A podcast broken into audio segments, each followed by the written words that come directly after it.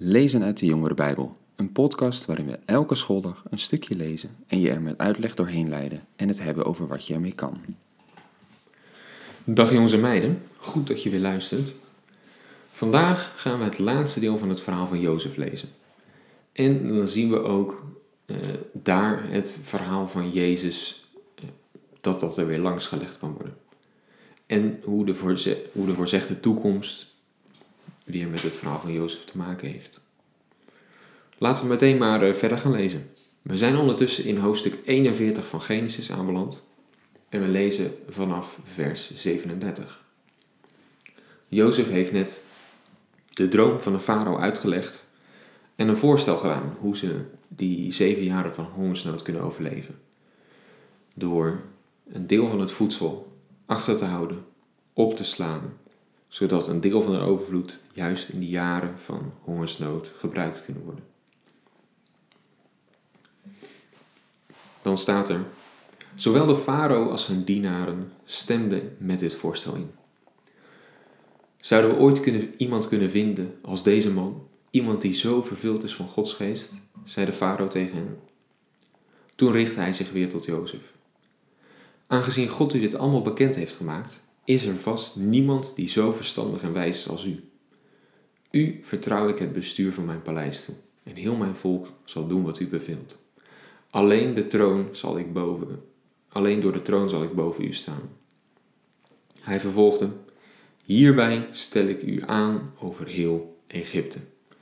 En hij deed zijn zegelring af, schoof die aan Jozefs vinger, gaf hem kleren van fijn linnen en hing hem een gouden keten om de hals. Hij liet hem rondrijden in de op één na mooiste wagen die hij bezat. En voor Jozef uit gingen de dienaren die riepen: Eerbied! Zo stelde hij Jozef aan over heel Egypte. Ik ben de farao, zei hij, maar zonder uw toestemming zal niemand in heel Egypte ook maar één stap verzetten. Hij gaf Jozef de naam Safnat Paneach en hij gaf hem Asnat tot vrouw. Zij was een dochter van Potifera, een priester in Heliopolis. Jozef reisde heel Egypte door. Dertig jaar oud was hij toen hij in dienst kwam bij de farao, de koning van Egypte.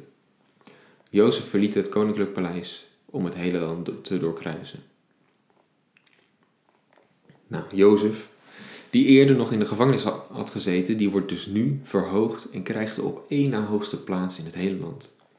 En hij mag beslissen over iedereen. Hij krijgt een naam, Safnat Paneach. Nou, ze zeggen het in deze tekst niet bij, maar die naam die betekent redder van de wereld. Ik denk dan ook dat het niet heel moeilijk te zien is hoe ook dat spreekt van Jezus, toch? Als er iemand de redder van de wereld is, dan is dat Jezus. En ook Jezus die zich op aarde liet vernederen, zich liet doden, hij kreeg daarna van God de hoogste plaats aangewezen, met natuurlijk alleen God nog boven hem. En Jezus is op dit moment boven iedereen gesteld. Hij is de Heer van allen, staat er. Dus ook hier eigenlijk weer hele duidelijke lijnen naar het verhaal van Jezus toe. Laten we nog een klein stukje verder lezen. Het uh, einde van het gedeelte wat we met elkaar lezen over het verhaal van Jozef. In de zeven jaren van overvloed kon er in het land volop worden geoogst. Al het voedsel dat Egypte in die zeven jaren voortbracht, werd verzameld en in de steden opgeslagen. In elke stad sloeg men de opbrengst van de omliggende akkers op. Het graan dat Jozef bijeenbracht was als het zand bij de zee. Het was zoveel dat men maar ophield met de voorraad te tellen, want er was geen tellen meer aan. Nog voordat de periode van hongersnood aanbrak, kreeg Jozef twee zonen bij Asnat de dochter van Potifera, de priester uit Heliopolis. Zijn eerstgeboren noemde hij Manasse, omdat God hem al zijn ellende en het gemis van zijn familie had doen vergeten. Het tweede kind noemde hij Ephraim, want, zei hij, God heeft mij vruchtbaar gemaakt in het land, waar, waar ik zoveel te verduren heb gehad. Even tussendoor, hier zie je dus weer wat je wel vaker in eh, de verhalen ziet in het Nederlands kan je het niet zo goed teruglezen. Maar de namen die Jozef aan zijn kinderen geeft, die hebben een uitleg Manasse, die hebben te maken met de uitleg erbij dat hij zijn ellende en het gemis van zijn familie heeft kunnen vergeten. En Ephraim, dat betekent zoiets als vruchtbaar. Want, zegt Jozef, God heeft mij vruchtbaar gemaakt in dit land, waar ik zoveel te verduren heb. Verder staat er, aan de zeven jaar waarin er in heel Egypte overvloed was, kwam een einde. En de zeven jaren van hongersnood braken aan, zoals Jozef had voorspeld. In alle landen heerste hongersnood, maar in Egypte had iedereen te eten. Toen ook de Egyptenaren honger begonnen te lijden en de mensen steeds luider om eten riepen bij de farao, zei deze tegen hen: Ga maar naar Jozef en doe wat hij zegt. Toen de hongersnood zich over het hele land had uitgebreid, liet Jozef alle voorraadschuren openen en verkocht hij het graan aan de bevolking. De hongersnood in Egypte werd steeds erger en ook uit alle landen daaromheen kwamen mensen naar Egypte om bij Jozef graan te kopen. Zo erg was de hongersnood overal. Nou ja, de hongersnood die wordt dus zo erg dat niet alleen in Egypte, maar ook uit de land daaromheen de mensen om te overleven naar Egypte moeten komen om daar graan te kopen. En uiteindelijk, zo gaat het verhaal verder, moeten ook de broers van Jozef komen naar Egypte, omdat er niets meer te eten was in het land Canaan. En, nou ja, jullie kennen het verhaal vast wel. Jozef stelt zijn broers eerst op de proef. En uiteindelijk, dan onthult hij zichzelf, als hij ziet dat zijn broers veranderd zijn. En dan wordt hij verenigd met hen. En later zelfs met de rest van zijn familie, die daarna in een vruchtbaar stukje van het land Egypte mogen komen wonen. Ook dat spreekt over wat er in de toekomst gaat gebeuren. Er staan in de Bijbel allerlei voorzeggingen dat het volk Israël het in de toekomst, misschien dus in de niet nabije toekomst, in de nabije toekomst, ik zeg het verkeerd. Er staat daar dat het volk Israël het opnieuw zwaar gaat krijgen. Dat andere landen het leven van Israël zuur gaan maken. En als ze dan geen uitweg meer zien, dan zullen ze God om hulp roepen.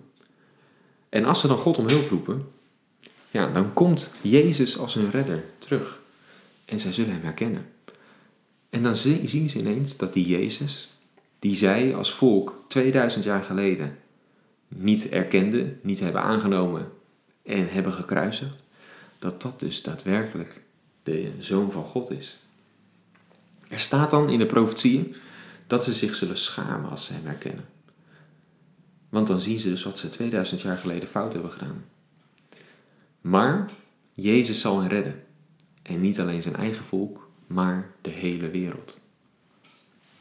Net zoals bij het verhaal van Jozef dus. Ook daar schamen zijn broers zich als ze Jozef herkennen en terugdenken aan wat ze gedaan hebben. Maar redt Jozef het, zijn broers en uiteindelijk ook de andere volken. Er zit nog een mooi stukje in dat verhaal van Jozef. Want op dat moment, hè, als hij zijn broers huilend weer in de armen valt en zijn broers ja, met schaamrood op de kaken staan te kijken, dat die broer die zij voor dood achterlieten, verkochten, dat dat nu de onderkoning van Egypte is. Jozef zegt dan iets tegen hen. Dat ze, dat ze zich niet uh, zo rot hoeven te voelen over wat ze gedaan hebben. Want Jozef zegt dan tegen zijn broers: God heeft mij voor jullie uitgestuurd om jullie voortbestaan op aarde veilig te stellen. Zo wilde hij veel levens redden. Niet jullie hebben mij dus hierheen gestuurd, maar God. Bijzonder toch? Jozef wordt door zijn broers verkocht en hij moet als slaaf in Egypte lijden. Je kan je bijna niet voorstellen wat dat betekent. Je familie nooit meer zien, iemands anders bezit zijn, in een ver vreemd land. En toch, Jozef zegt, niet jullie hebben dit gedaan, maar God. Al dat nare wat mij is overkomen, God heeft dat gedaan. Maar hij heeft dat met een reden gedaan, met een doel. God heeft dit bedacht, zodat ik jullie nu in deze periode van hongersnood kan redden. En precies dat is natuurlijk ook iets wat past op het verhaal van Jezus. Ja, Israël heeft hem verworpen, heeft hem niet erkent, heeft ervoor gezorgd dat Jezus aan het kruis ging. Straks zullen ze hem herkennen. Ze zullen zich schamen voor wat ze hem aangedaan hebben. En dan zal blijken dat ook dat God met een reden zo gedaan heeft. Juist door wat er gebeurd is, is Jezus gestorven en opgestaan. En leggen we niet altijd aan jullie uit dat dat is hoe Jezus de wereld redt, hoe hij ons redt, hoe hij de anderen redt? Als Israël hem gelijk had aangenomen voor wie hij was, was dat allemaal nooit gebeurd. Het feit dat wij nu mogen geloven en een toekomst vol mooie beloften hebben, komt doordat Israël hem niet aannam. Want je leest in de Bijbel dat daardoor juist de boodschap aan ons, niet-Joden, werd verkondigd. En dat lees je ook. Paulus die, die zegt precies dat in de Romeinenbrief, in hoofdstuk 11. Vers 11. Daar, zegt, eh, daar is Paulus aan het nadenken over waarom heeft Israël Jezus niet erkend. En waarom zagen ze niet dat hij degene was die God gestuurd had? Heeft God ze laten struikelen? Heeft hij ze laten vallen? Nou, hij schrijft erover. Maar nu vraag ik weer. Ze, Israël dus, ze zijn toch niet gestruikeld om ten val te komen? Dat in geen geval. Maar door hun overtreding, dat ze Jezus dus niet aannamen, konden de andere volken worden gered. Dat zijn wij dus. En daarop moesten zij afgunstig worden. Dus God gebruikt ook weer het feit dat de boodschap nu naar ons is gekomen om Israël zelf weer jaloers te maken. Maar, gaat hij verder, als de overtreding van Israël een rijke gave voor de wereld is en hun falen een rijke gave voor de andere volken, hoeveel rijker zal de gave dan niet zijn wanneer zij voltallig deelnemen? Een beetje ingewikkeld opgebouwd, maar hij zegt eigenlijk, doordat Israël dus Jezus niet aannam, daar is al zoveel goeds uit voortgekomen. Hoeveel groter zal het feest niet zijn als uiteindelijk straks Israël wel tot inzicht komt dat Jezus de Zoon van God is en de Messias is waar ze op wachten. Hoeveel beter moet het dan wel niet zijn? Nee, als ik zoiets lees, ik, ik verwonder me daar altijd over. Wij verzinnen zo'n plan niet. God blijkbaar wel. Hij verzint een ingewikkeld plan waarin juist het, uh, dit soort dingen die in onze ogen verkeerd lijken, die lijken mis te gaan, juist dat zijn de dingen die in Gods plan het beste teweeg brengen. Dat zij Jezus niet erkende en aan een kruis nagelde, dat is het sleutelpunt in de Bijbel geworden. Dat is het, het belangrijkste van de boodschap. Ja, hoe verzin je het? Wij zouden niet denken dat dat de manier is hoe God werkt. En datzelfde hoofdstuk in de Romeinen, die eindigt ook met eigenlijk precies zo'n uitspraak. Die wil ik dan nog even ter afsluiting van vandaag en van de week lezen. Als Paulus dit zo heeft uitgelegd, hoe God op zo'n manier te werk gaat, dan concludeert hij nog: Want God heeft ieder mens uitgeleverd aan ongehoorzaamheid, opdat hij voor ieder mens barmhartig kan zijn. En eigenlijk precies dat. God zorgt er opzettelijk voor dat mensen eerst niet naar hem luisteren, zodat hij dan juist iets van zichzelf kan laten zien. En dan zegt Paulus: Hoe onuitputtelijk zijn Gods rijkdom, wijsheid en kennis. Hoe ondoorgrondelijk zijn oordelen en hoe onbegrijpelijk zijn wegen. Wie kent de gedachten van de Heer? Wie was ooit zijn raadsman? Wie heeft hem iets gegeven dat door hem moest worden terugbetaald? Alles is uit hem ontstaan. Alles is door hem geschapen. Alles heeft in hem zijn doel. Hem, God dus, komt de eer toe tot een eeuwigheid. Amen. Inderdaad, hoe bizar is het hoe, Gods hoe God werkt. Hoe groot is Hij dat Hij dit allemaal kan bedenken en dat het allemaal zo mooi in elkaar past.